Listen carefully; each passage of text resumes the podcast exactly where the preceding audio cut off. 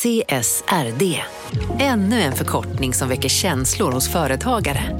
Men lugn, våra rådgivare här på PWC har koll på det som din verksamhet berörs av. Från hållbarhetslösningar och nya regelverk till affärsutveckling och ansvarsfulla AI-strategier. Välkommen till PWC. Välkomna sommaren med att... Res med Stena Line i sommar och gör det mesta av din semester. Ta bilen till Danmark, Tyskland, Lettland, Polen och resten av Europa. Se alla våra destinationer och boka nu på stenaline.se. Välkommen ombord!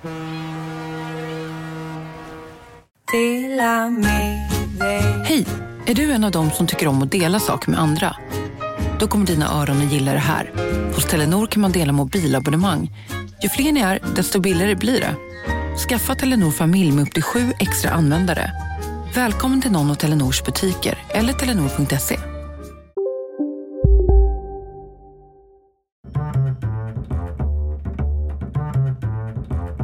Från Monopol Media, det här är Kapitalet med mig Jakob Bursell. Och med mig Gunnar Harjus. Det finns en naturlag som jag tror ställer till det för väldigt många småföretag. Du kanske ser en möjlighet att sälja en ny produkt men behöver en ny maskin för att tillverka produkten. Men för att kunna köpa maskinen som tillverkar den nya produkten så behöver du ha tjänat massa pengar och de pengarna tjänar du bara i produktionen som du skulle kunna haft om du hade haft den här nya maskinen som gjorde den nya produkten. Ja. Det är ett moment 22 if I ever heard it. Ett av alla företag i världen som har drabbats av den här tillväxtkrampen, det är vårt företag, Monopol Media. Mm. Vill vi göra ett nytt program så måste vi anställa någon som gör programmet. Ja. Men för att göra det så behöver vi mer annonsintäkter. Och de kommer ju först när någon faktiskt lyssnar på det nya programmet som inte finns. För att vi inte kan göra det, för att vi inte har råd att anställa en ny person som kan göra det. Ja. Så en, även vi befinner oss i det här moment 22 liknande eh, tillståndet. Ja. Och det här har vi tänkt på hur mycket som helst. Eh, Vi har verkligen vänt på alla stenar för att hitta liksom något magiskt kryphål i den här naturlagen. Men alltid kommit fram till att det i praktiken finns fyra lösningar. Arbeta hårdare. Ta betalt i förskott för produkter som inte finns. Eller låna pengar. Det var då tre av de här fyra. Ja. Det är den fjärde det ska handla om idag. Vill du berätta om den? Jo, och då var det så här. Strax före sommaren så satt vi alla fyra på företaget på en indisk restaurang och pratade lite om framtiden. Och, och pratade om de här tre sakerna och kom fram till att det finns problem med dem. Mm. Arbeta hårdare, Asjobbigt. jobbigt. Ta betalt i förskott för produkter som inte finns, Svårt, svårt. angränsande omöjligt faktiskt. rätt svårt. Eh, låna pengar, mm, det är liksom, Ja. Det är okej, men du får också ränta som är en risk. ja, man kan göra det men Ja, det, det, är- ja. det är inte oproblematiskt. Nej. Men då slog det oss att eh, det kanske vore bättre för oss att liksom testa en fjärde aveny. Mm. Och det är att hitta någon som tror på den här poddmarknaden, på oss fyra och som kan hjälpa oss över tröskeln. En investerare helt enkelt. Men det fanns ett problem. För att citera dig från den här magiska lunchen hos Indien.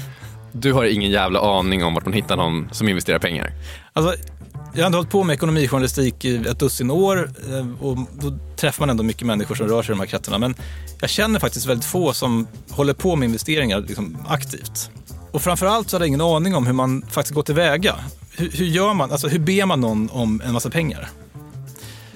Men eh, vi hoppade huvudstupa in i den här världen. Vi började fråga oss runt, vi gjorde en affärsplan, vi gjorde i ordning material. Och sen till slut i förra veckan så hade vi ett möte med en livslevande investerare. En kille vars enda jobb är att utvärdera olika startups och som har investerat i hundra olika bolag. Bra. Jag skickade dig någon sån här liten pitch deck, såg du det? Ja, ja, visst. Det är klart. Den har jag redan kollat på. Ja, okej, okay, är bra. Men vägen dit, till det här samtalet, hade varit en ganska lång och krokig historia och full av förnedring. och nu tänkte vi att ni lyssnare skulle få en liten inblick i den här ganska udda världen. Hur hittar man kapital till ett litet företag? Och hur låter det när en journalist för första gången i livet uppvaktar en investerare? Efter det här. Vi sponsras av Storbrand Asset Management som ju förvaltar över 1000 miljarder norska kronor, bland annat för SPPs eh, många pensionssparare. För två år sedan så investerade Storbrand i drygt 60 tåg, alltså tågvagnar, eh, som rullar mellan London och Skottland. De leasar sedan de här tågvagnarna till tågoperatören som alltså kör tågen och säljer biljetter och sånt eh, med ett avtal på 27 år. Så britterna får nya fina tåg och storbrandskunder, eh, däribland alltså SPPs pensionssparare, får en inflationsskyddad avkastning med låga risker under lång tid. Det här är ett av supermånga exempel på hur pensionskapitalet i växande omfattning bidrar till att bygga samhället och inte minst till att klara klimatmålen. Det behövs elproduktion, elnät, batteriparker, nya transportlösningar och allt möjligt. Bara i Europa antas investeringsbehovet för att klara klimatmålen uppgå till tusentals miljarder dollar. Och det här är ju pengar som ganska ofta saknas i statsbudgetarna. Däremot är det här pengar som pensionsbolagen kan vara med eh, och stoppa in, vilket ger pensionsspararna en fin avkastning under lång tid samtidigt som man är med och ställer om samhället. Vi har gjort ett helt avsnitt om det här eh, som man kan lyssna på. Det publiceras här i Kapitalet i mitten av maj. Ratta gärna in det om ni vill lära er mer om hur det här funkar. Men tack säger vi till Storbrand Asset Management som ju investerar i alla tänkbara tillgångslag, bland annat för pensionsbolaget SPP. Och tillsammans försöker ju vi, Storbrand och SPP öka medvetenheten om hur pensionerna funkar och vilken roll pensionerna spelar i samhället och i ekonomin.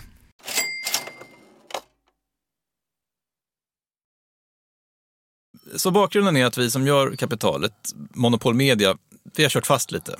Vi har massa idéer och ambitioner, men har svårt att komma till nästa steg. Mm. Och ett sätt att snabbare komma över en sån här tröskel som väldigt många företag drabbas av, Ja. det är att ta in lite pengar. Det känns ju som en rimlig grej. Men det ska också sägas att vi vet, eller visste, nästan ingenting om den här världen. Vem har ens pengar? Vem kan investera pengar i liksom, ett gäng som vill göra podd? Hur hittar man de här personerna? Vad säger man till de här personerna? Precis, samtidigt som vi verkligen hade en känsla av att det här är görbart. Så jag gick till Almi Invest för att på något sätt känna av temperaturen på marknaden. Eh, Almi är ett statligt företag som investerar i startups. Ja, kontentan av det mötet, det är väl i princip att det aldrig har varit så här hett. Ja. Räntorna är på noll, det finns kapital i överflöd. Och det är på något sätt hippt att investera i, i små företag. Ja, så, så liksom, är det någon gång man ska hitta pengar till ett poddbolag så är det nu. Kanske. Ja. Samtidigt kvarstod ju då originalproblemet, det vill säga vi visste inte hur man gör det här. Nej, så det första vi gjorde det var att ta kontakt med en kille som heter Nils. Men, men eh, om, om vi spolar tillbaka då. eh, För jag mejlade ju dig i juni. Nils har vi lärt känna väl genom Tessin som ni brukar höra som annonsör i den här podden. Nils startade ett företag som heter Offerta, en slags marknadsplats för diverse tjänster. Eh, Sen sålde de bolaget och så startade Nils eh, Tessin tillsammans med några andra. Med andra ord, det har gått hur bra som helst för honom. Han har varit jättebra på allt han har gjort och sitter nu på massa deg. Jo, och så innebär det också att han är insyltad i den här världen där folk investerar pengar i olika saker. Han gör även själv i viss utsträckning. Så vi käkade lunch och jag bad honom om en massa tips. Och det slutade med att han frågade om inte vi hade något material som vi kunde visa upp för honom så att han kunde titta på det och hjälpa oss lite. Mm, Jag kommer ihåg där, du satt otroligt länge med det här materialet och liksom skrev i arbetsdag efter arbetsdag. Det var bara längre och längre. Vad tyckte han om materialet? Att det var ett 19-sidigt dokument eh, där eh, merparten var eh, som en sorts uppsats om hur poddar funkar. Jag tänkte så här, att man ska få någon att investera i ett företag, då måste de väl också få en ordentlig insyn i hur verksamheten fungerar och hur marknaden ser ut. Så jag skrev typ en bok. Jag kommer faktiskt också ihåg att en av mina invändningar på det här PMet var "Det- du skriver för mycket om poddmarknaden. Och jag sa nej. Nej, det är därför man har som investerare så, eh, så kanske du går igenom, om du har ett bra dealflow så går du igenom kanske, jag menar, säg 10 sådana här eh, propåer i veckan. Och som har egentligen bara, eh, man kan man har ju bara eh, liksom de första två slidesen på sig för att bara eh, man avgöra huruvida det här är intressant eller ej. Nej, Nils han vill ha en så kallad pitch deck, vilket är då Silicon Valley-namnet på en snärtig, säljande powerpoint. Så jag satte mig igen, gjorde en powerpoint och skickade över till Nils. Och sen svarade han dagen efter. Och du har inte sett det här mejlet, du, ska få- du ska få se det nu. Um, otroligt roligt svar. Alltså, att öppna inte ens ett hej, utan bara få hum långt ifrån den bästa pitchdecken om jag ska vara ärlig. Och sen så ser jag bara att det är en screenshot från din pitchdeck med ett stort rött kryss över på någon sida. Det var ju betydligt bättre än det här dokumentet. Ehm, men det var ganska... Ordet han söker efter här är långt. Min presentation var på 20 sidor. Eh, men det största misstaget, det var inte vad som stod i de här 20 sidorna, utan det som inte stod i dem. Den sålde liksom inte in så drömmen. Alltså det, du förklarar ju bolaget vad ni vill uppnå och liksom nya format.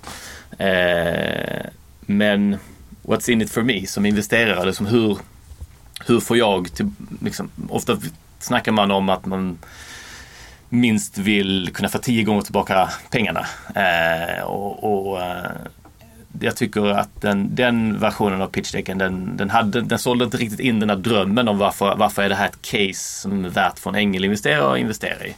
Okej, alltså får jag berätta i podden vad som stod i den här pitchdecken? Antar det. Vi är ett poddbolag med hemvist i Stockholm.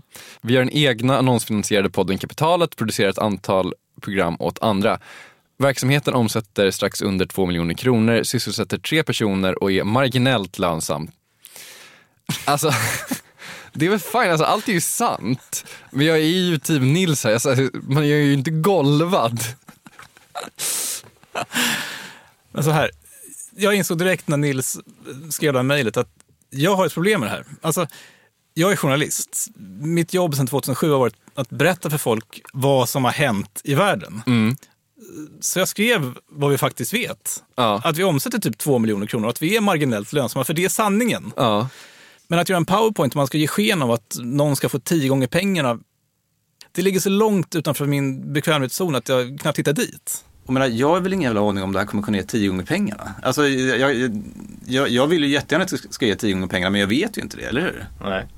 Nej men det handlar ju inte om att du, liksom, att du ska leverera tio gånger pengarna. Liksom. Du ska lova det och det här kommer exakt eh, vara en plan som jag kommer att följa. Den kommer att bli så här. Utan det, det du säljer in är, är att det kan bli tio gånger pengarna. För om du tänker dig en engelinvesterare som gör det här för, for a living. Eh, eftersom startups är sån, sån hög risk, eh, liksom det är många, de flesta startups eh, lyckas ju inte. Så om eh, jag som investerare gör tio investeringar så kanske det är max en som ger riktigt bra utbetalning. Några ger eh, kanske pengarna tillbaka och liksom hälften ger liksom noll kronor tillbaka. Så man behöver ju kunna sälja in den här, den, den möjligheten, den här drömmen om att det här kan bli eh, någonting stort. Ja, jag, jag kan tillägga också att jag tyckte presentationen var ful. Det tycker inte jag. Där tycker jag han har fel. Det tycker jag var ganska kul. Okej. Ja, men, men det finns någon slags grundläggande logik här som en investerare följer, i alla fall om man ska tro Nils. De förväntar sig inte att alla investeringar ska bli en hit. Alltså tvärtom, de förväntar sig att väldigt många ska gå snett. Men det de förväntar sig är att eh, hittarna ska betala för allt som inte lyckas. Så det man säljer in här, menar Nils, det är en lott. Och alla som ägnar sig åt det här seriöst, de vet att de flesta lotter är nitlotter. Mm. Så liksom go big or go home typ. men, men om man ska sammanfatta det här då. Om man ska pitcha till en investerare så ska man göra det med en powerpoint. Den ska inte vara för lång. Hur lång ska den vara förresten? Vår var 20 sa du och det var för långt. Nils säger typ 10 sidor. Okej. Den ska inte vara ful heller och framför allt så ska man inte bara redogöra för det man faktiskt vet i någon slags faktaupprabbling. Utan man ska sälja in att framtiden den är där och vi ska komma dit och den är hur fet som helst. E- Exakt, och nyckelordet är här sälja in. Alltså det här är, om man ska vara krass, försäljning. Och som så ofta är fallet med försäljning så måste man ha ett ja, smidigt förhållningssätt i verkligheten. Okej, eh, i det här läget då gissar jag är du inte superupplyft. Liksom. Du, du har ju fått en del negativ kritik. Om vi ska uttrycka det milt. Ja. Så, vad gjorde du då efter det här mejlet från Nils? Jo, men sen kom sommaren och det var semestrar och sånt, så egentligen ingenting. Eh, Men så började jag fila på det här materialet igen och jag räknade på 71 olika scenarier i Excel för att kunna presentera lite mer ja, underbyggda siffror. Vi skaffade en grafisk profil, vi skaffade en ny hemsida. Jag kortade ner den här presentationen till tio sidor som inte såg hemska ut. Och sen, för kanske två veckor sedan, så kastade vi ut en krok på Twitter. Finns det någon affärsängel där ute som vill vara med i kapitalet? Mm. Det kommer jag ihåg att jag gjorde. Jag minns också att telefonen sen var otroligt tyst efter det här. det plingade inte ihjäl sig. Men det gick någon timme eller så och sen hade vi ett meddelande på Twitter. Skriv till mig, stod det. Och killen som ville att vi skulle skriva till honom visade sig vara en av Sveriges kanske mest aktiva affärsänglar och som varje år utvärderar kanske 500 olika småbolag. Och med en dags varsel fick vi till slut möjligheten att pitcha Monopol Media. Hur det gick efter det här.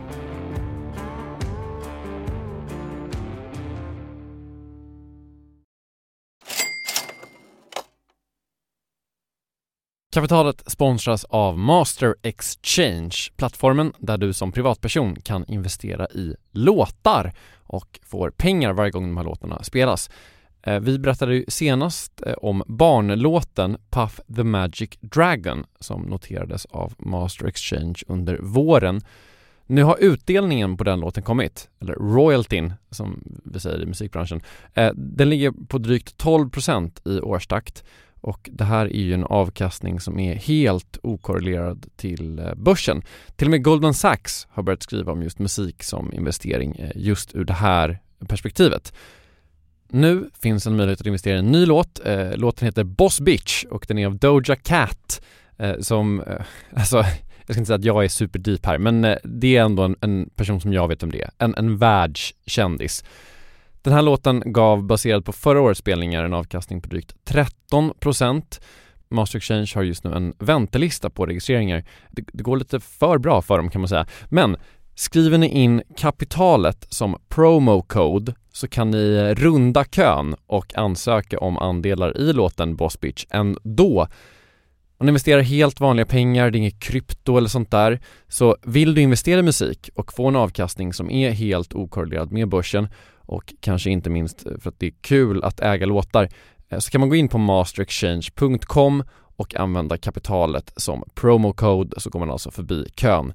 Kom ihåg dock att alla investeringar är förenade med risk, men vi säger stort, stort tack till Master Exchange. Kapitalet sponsras av Karla, Jakob. Ja, bilar igen. Ja, det är eh, härligt. På Karla kan man sälja sin elbil eh, på det gissningsvis smidigaste sättet i Sverige. Eh, Karla har ju ett, nästan ett komiskt högt användarbetyg på Trustpilot. Mm. 4,8 av 5, vilket jag typ aldrig hört talas om. Nej, det är väldigt, väldigt högt. Eh, man knappar in lite info om bilen på sidan, sen får man en gratis värdering och ett bud. Accepterar du budet kommer Karla och hämtar upp bilen gratis och sätter in pengarna innan de kör iväg. Inget mer än så. Rätt fantastiskt. Nej, det är faktiskt ja. helt otroligt. Och eh, det kan bli ännu mer eh, otroligt än så. Eh, för att vi har nämligen en rabattkod som ger dig 2000 kronor extra för bilen. Så om du säljer din bil så får du två lax extra. Stämmer. Bara sådär. Eh, koden är Monopol och Eh, den uppger du när du har värderat bilen och eh, pratat med Karlas inköpare. Koden är giltig till sista maj, så att passa på om du går i säljartankar. Jag undrar om vi har haft en kod som har gett två lax bara sådär någon gång? Nej. Det är helt otroligt. Man behöver en bil förvisso. Absolut, så det är kanske inte bara sådär, men det är ändå 2000 kronor extra. Väldigt bra. Ja. Så sälj din elbil eller laddhybrid till Karla. Du får 2000 kronor extra med rabattkoden Monopol. Eh, hoppa in och kolla på karla.se Karla Museet. Där kan man också köpa bilar ska jag tillägga. Verkligen. Vi säger stort tack till Karla. Jag startade ett bolag när jag var ganska ung, när jag gick i, eh, på universitetet som från början var eh, sex kompisar som gjorde ett hobbyprojekt. Det hobbyprojektet eh, spann lite ur kontroll och blev ett bolag som heter The Astonishing Tribe, eller TAT för kort. Hampus Jakobsson är killen som hörde av sig till oss på Twitter Hans bolag, som alltså kallades för TAT, eller The Astonishing Tribe, de gjorde mjukvara till mobiltelefoner. Kunderna känner du kanske igen namnet på. Mm. De hette Nokia, Motorola, Sony Ericsson och Samsung. De här programmen fanns i 12 procent av världens mobiltelefoner. Och det bolaget, alltså det var ju verkligen inte affärsplanen. Eh, stack iväg och sen blev vi uppköpta av Blackberry, en telefontillverkare, för 150 miljoner dollar. Grundarna av det här bolaget, sex kompisar, de fick var och en en jättehög med pengar. Mm. Hampus, han drog sen igång ett nytt företag. Brisk hette det. Gick inte alls lika bra som Tatt eh, och till slut så avvecklade han bolaget. Och sen dess har jag varit heltidsinvesterare och investerat i ungefär 100 bolag över hela världen. Att vara heltidsinvesterare, berättar Hampus, det innebär att man ägnar en betydande del av sin tid åt att titta på sådana här powerpoint-presentationer. Hampus säger att han får runt, och lyssna nu, tusen stycken presentationer per år. Det är många drömmar han inte öppnar varje vecka alltså. Det här leder sen till att han faktiskt pratar med kanske 200 bolag. Eh, jag vet inte om det här gjorde mig mindre nervös, men det var i alla fall precis ett sånt där möte som vi ville ha. Så jag hade skickat över vår nya, korta, lite snyggare pitchdeck i förväg. Och sen satte jag igång. Min, min bakgrund är ju, jag, jag är journalist, jag var på Svenska Dagbladet Näringsliv i, i flera år. Det första jag gjorde var att presentera mig själv. Jag tänkte att det är väl en bra start. Bra. Och sen så slutade jag 2014 för att jag tröttnade på det. Och så, så halkade jag liksom på ett bananskal in i poddsvängen. Sen så gick jag in och berättade lite mer om poddmarknaden. Det som jag hade skrivit en uppsats om till Nils Bosma. Du rev inte hela va? Du tog inte alla 60 sidor eller vad det var? Men om, om man tittar då, nu, nu är jag på sida fyra där. Det, det som liksom kännetecknar den här marknaden, det är ändå, trots att det finns så ofattbart mycket poddar i Sverige, eh, så görs de ju i väldigt hög utsträckning av menar, amatörer om man ska vara elak, men, men, men liksom folk som gör det som ett extra knäck vid sidan. Och sen så kommer jag in på vår idé. Tittar man på tv-industrin, då pågår ju ändå ett enormt skifte mot kvalitet. Mm. Och man kan ju också tänka sig att om folk efterfrågar dyra och välproducerade tv-serier, då kommer de också tids nog att efterfråga dyra och välproducerade poddar. Jag skriver under på den här idén. Och det var väl ungefär så långt som jag kom till då sida fyra i vår pitchdeck innan Hampus avbröt mig. Men, det finns ju inte, alltså jag håller med dig 100 procent. Jag, jag vet inte, hur interaktiv vill du ha? Spelar du in eller ska jag, för jag ska interagera med dig? Ja, men jag, jag vet inte, såna, hur, hur funkar sådana här... Äh, så, så här, jag ska säga, jag är icke representativ för investerare.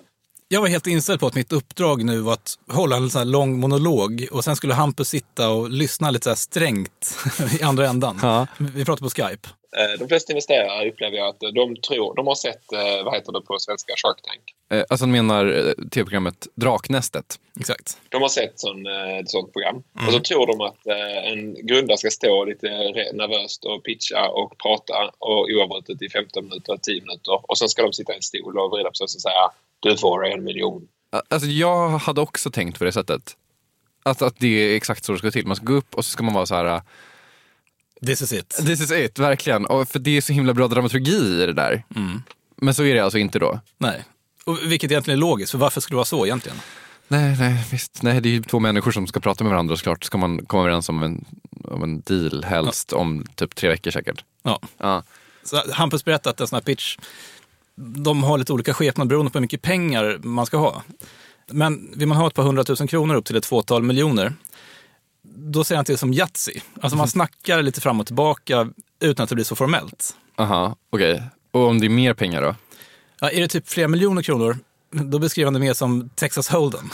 Det är ganska mycket regler och liksom ganska strukturerat och liksom eh, eh, det blir en helt annan dynamik. Och det är också för investeraren är det också så att jag vet att du lurar mig lite liksom. Eh, men grejen är att samtidigt är det väldigt mycket som är känt. Det ligger liksom ett kort framför oss och du liksom kan bluffa. Liksom. Alltså, du, menar, jag, jag, du kan bluffa lite. Liksom. Och handlar det sen om ännu mer pengar, jag menar typ så här, tiotals miljoner kronor, då säger han att det mer handlar om att så här, spela schack. Då finns det inte så mycket svängrum för hur den här proceduren går till. Okej. Så, så vad var det här då? Var det Yatzy, Texas Hold'em eller schack? Hur mycket deg bad du Hampus om här? Och det här tycker jag är en historia i sig. Det är inte så enkelt att veta hur mycket pengar man ska ha. Jag menar, om man tar in massor med pengar, då måste man ge upp fler aktier själv, är logiskt. Samtidigt vill man inte ta in för lite, för då finns risken att man snart står där igen med mössan i handen och måste gå igenom samma procedur på nytt. Ja, och det du måste göra dessutom när du ska komma på hur mycket pengar du ska ha, det är ju att komma på hur mycket är ditt företag värt. Det också. Och det är ju sjukt svårt. Det, det är bara liksom en ren, liksom, det är en förhandling. Ja, vad är ditt företag? Vad är, liksom, vad är, vad är Monopol Media? vä- Alltså, okej, du ska ha 10% till en värdering av vad då? Alltså, Nils Bosma eh, på Tessin, han säger typ så här, ja, men värderingen, det är i princip det du kan få. ja. Men han tipsar också om att eh, tar man in pengar så ska man liksom se till att man har pengar så att det räcker men åtminstone ett och ett halvt år. Så till slut efter en del så här, tankemöda så landar i att vi behöver runt en halv miljon. Vilket, då, då är vi i tryggt Yatzy-territorium ändå. Det är verkligen Yatzy. ja. Så jag och Hampus, vi började helt enkelt ha en diskussion. Eh, Och, eller ska jag vara helt ärlig så pratade mest Hampus. Han hade såklart läst hela vår pitch deck och hade en massa frågor och synpunkter. Ja. Och jag tycker det du gör är skitintressant. Jag tycker speciellt tycker jag att alltså, kolla på alltså, annonsin, alltså, annonsintäkterna ni har. Det syns ju väldigt tydligt att ni har någonting som är, alltså, som är, eh, vad ska man säga, det är en väldigt unik produkt. För att alltså att en och en halv miljon kronor på, jag vet, du har inte antal licens, har du det? Vi har, eh, det varierar mellan 15 och 20 000 nedladdningar per vecka. Så vi kastar tärningarna fram och tillbaka. Hampus berättar lite mer om hans här, filosofi. Att han letar efter duktigt folk som verkligen kan sin marknad. Han sa dock aldrig om han tyckte vi så här, kvala in i den bilden eller inte. Nej. Men sen tittar han också på marknaden. Och marknaden, då känner jag att då tar jag tre saker. Det är behov, det du gör, alltså är det ett stort behov av det här? Och det är så här pods, alltså det är inget snack liksom att det är, alltså det är ett, jätte, alltså det är ett sjukt behov. Det är liksom, tror du på radio eller tror du på podd? Ja men lägg av liksom. Okej, så först personerna bakom ska vara superkompetenta. Lite oklart om, om vi kvalar in där. Sen kolla på marknaden. Finns det behov av pods? Ja. Ja, det är inget snack. Exakt. Okej, så vad kollar han på mer då? Sen kollar han på konkurrensen. Och då sa jag till Hampus att det är omöjligt att tänka sig att alla poddar som produceras ska produceras av folk som sitter hemma och gör det här efter jobbet som någon slags bisyssla. Vi pratar om ett helt nytt medium som håller på att bli jättestort, med varannan svensk lyssnar på podd. Och det enda tänkbara på sikt är att det är företag som kommer göra det här i ganska hög grad. Ja. Och vi, vi är ju ett sånt företag, ett av få företag som faktiskt lever på det här. Eh, Och jag tror du har helt rätt. Att jag tror att de stora podcasten som inte är... Alltså de stora professionella podcasten är ju oftast av professionella team. Alltså vare sig det är Vox Media eller någon annan. Alltså det, det, det är inte två snubbar som står och chattar. Liksom. Okej, jag ehm, var ju inte med på det här samtalet, som du vet. Det var ju bara du där. Men hittills, alltså, det låter nästan som det går helt okej. Till och med angränsar rätt bra, eller? Alltså sitter han och har swishen i ena handen här, är bara så här, redo att skicka över en och en halv mille till dig. Nej, men Hampus var inte klar. Ehm, Jag berättade i vår pitch deck att det vi vill göra är att bygga ett företag som äger och producerar och monetiserar, det är ett fint ord för att sälja annonser, eh, på poddar av hög kvalitet. Och att vi vill vara ett företag där riktigt duktiga journalister man, tycker det är kul att jobba. Mm. Och det här tyckte Hampus var en kanonidé, men han såg ett antal problem. Det jag skulle vilja säga i det här är att jag skulle vilja se hur du bygger någonting som är inte bara en jävla bra business, för att jag tror att det här är en sjukt bra business du bygger. Ehm, utan det min fundering skulle vara, hur bygger du någonting som har extrem defensibility? Så här kommer då en av Hampus käpphästar som gör att monopolmedia, tyvärr, inte någonting för honom. Okej, det, okej, jag kommer inte dra fram kontoutdraget nu och kolla på vårt företagskonto hur det ligger till. V- vad är extrem defensibility? Nej, men Hampus berättar att när han utvärderar bolag så tittar han också på hur skalbart företaget är. Det finns en utmaning att vi gör radio på ett språk som vadå, 1,5 promille av världens befolkning behärskar. Och där finns ett problem då med skalbarheten. Men han kollar också på det som man själv kallar för defensibility, alltså hur man skyddar bolaget från konkurrens. Hur kan det göra så att inte bara Dagens Industri plötsligt säger "Jag ska inte vi också göra en finanspodd liksom, och så ska de försöka eh, liksom, ta den. Eh, och så, så kommer de och bara äter halva din annonsgrej för att de har ett sjukt annonsteam som bara liksom, kan gå ut och sälja. Ehm, det är nog min fråga, min största rädsla när jag kollar på detta. Hur tusan gör man så att det liksom inte någon ska bara ta, komma in från ingenstans? Och jag menar, det där är en ganska bra fråga som saknar ett jättebra svar, Ja, om man ska vara helt ärlig. absolut. Och vad, vad sa du? Till, alltså, hur, vad känner du kring det här på riktigt då?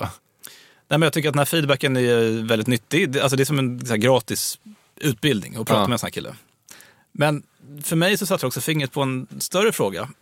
Alltså, vem är det som investerar i alla bolag där ute som inte lyckas sälja in idén om att den här verksamheten som de ska driva, notera tempus här, ska Ja. driva, som inte har någon omsättning och som inte tjänar några pengar, ska förvandlas till ett globalt bolag som ger liksom, tio gånger pengarna. Ja, ja, jag vet inte. Inte Nils antar jag. Nej, men Nils och Hampus de säger båda två att det finns en hackordning i det här systemet. Du har då så stora riskkapitalbolag som investerar i stora etablerade bolag. Typ så Nordic Capital kanske. Mm. Sen en nivå ner så hittar man företag som bettar på bolag som har en beprövad affärsmodell, som kanske har intäkter och kanske till och med tjänar lite pengar. Men som behöver kapital för att växa sig större och bli globala. Sen finns det en trappa till då, ner, Ja. där man hittar bolag och privatpersoner som är mer inne på att köpa de här lotterna i hopp om att en av dem ska betala för de andra och ge lite till avkastning. Då. Ja. Och- Och det är då här då som Hampus och Nils befinner sig. Ja, men någonstans. Men om du inte kan få en sån här person att tro på att din business har en chans på 100 att bli Uber, så menar både Nils och Hampus att det finns en nivå till. Så deppigt att höra. Okej, så nu, är nu måste ju vara i nedre botten minst. Minus två, källarvåning två. Exakt. Det är en undervegetation i det här systemet som i folkmun kallas för de tre F'n. De tre F'n, Friends, Family and Fools. Eh, och, och, du, och ni har ju ett fjärde F och ni har ju era fans. Men det är här som många mindre bolag hamnar. Alltså man frågar grannen, farbror Sven, kusin Kajsa, någon gammal chef, någon framgångsrik kompis. Och sen i bästa fall så skramlar man ihop de där 100 000 kronor. Får, jag- får jag säga, det finns ju flera problem här. Alltså, dels, de vet ju ingenting om hur att investera överhuvudtaget. Och vi har redan en relation. Och det läskiga med den, det är att eh, man vill helst inte ha kompisar och eh, föräldrar och annat som investerar för att det också sabbar dynamiken med dem. Alltså du förstör, förstör möjligtvis din relation med dem. När liksom, ja men, din syster pingar dig och säger “Tjena, ska vi, det var kul att ses i helgen och bara vet, gå i skogen”. Så kommer hon efter tio minuter och säger “Hur var det resten av bolaget?” Så får du lite samvete direkt och bara “Nej, jag vill inte träffa henne, jag bara snackar om pengar” och så här liksom. Och jag kan bara titta på mig själv här. Jag skulle vara helt livrädd för att det skulle gå snett. Alltså det är en sak som du säger, att göra affärer med folk som är proffs, som vet att nio av tio idéer går åt helvete men att den sista betalar för allt annat. Men att de är släkt och vänner som kanske till och med känner sig lite manade eller tvingade att hjälpa Jakob i sitt företag. Det tycker jag känns otänkbart faktiskt. Och det här skulle man kunna säga är ett eh, samhällsproblem. Alltså alla företag som inte sitter på nästa så här, internetgrej, som tror sig kunna lösa problem för miljarder människor. Hur ska de växa? Och hur ska de anställa nya människor? Ja. Okej, vad- har vi lärt oss något av det här? Ska vi fråga? Vi ska inte fråga Friends and Fools. Och Hampus och Nils vill inte ta i oss med tång och inte heller Almi. Alltså vad, alltså på riktigt, vad ska vi göra? Jag känner nog så här efter de här mötena. Jag kan nog inte med gott samvete ställa mig framför någon och säga att det här ska bli världens största företag. Det det går liksom på, på tvärs mot min natur, skulle jag säga. Däremot så tycker jag att fan, vi har ett kall här. Alltså vi lever i en tid där det finns rätt mycket, ska vi säga udda uppfattningar om, om verkligheten. Och att då sitta på en modell för hur människor kan lära sig nya saker om alltså, ekonomi och samhälle på ett kul sätt. Det tycker jag är ett ganska starkt kort. Och jag är helt övertygad om att det finns folk där ute som gillar det. Även om det inte ger hundra gånger pengarna. Ja. Eh, Eller så ger det här då faktiskt hundra gånger pengarna. Och då kan vi ju ringa till Hampus down the line och, och säga, kolla vad du missade. Ehm, på riktigt då, om man har några tips på någon som sitter på massa pengar som tror på poddmarknaden och kanske på oss, eller om ni har det själva så kan ni ju faktiskt mejla jakob.kapitalet.se så får ni tillbaka en pitchdeck som nu då är helt okej i alla fall. Absolut, ja, bra, det tycker jag vi säger. det gör vi. Du har lyssnat på Kapitalet och hört Nils Bossman på Tessin och investeraren Hampus Jakobsson. Programmet har mixats av vår egen Kristoffer Krook eh, som även har skrivit musiken du hör just nu. Det finns på Instagram. Där heter vi Kapitalet. Tack för att ni lyssnade. Hej då! Hej då.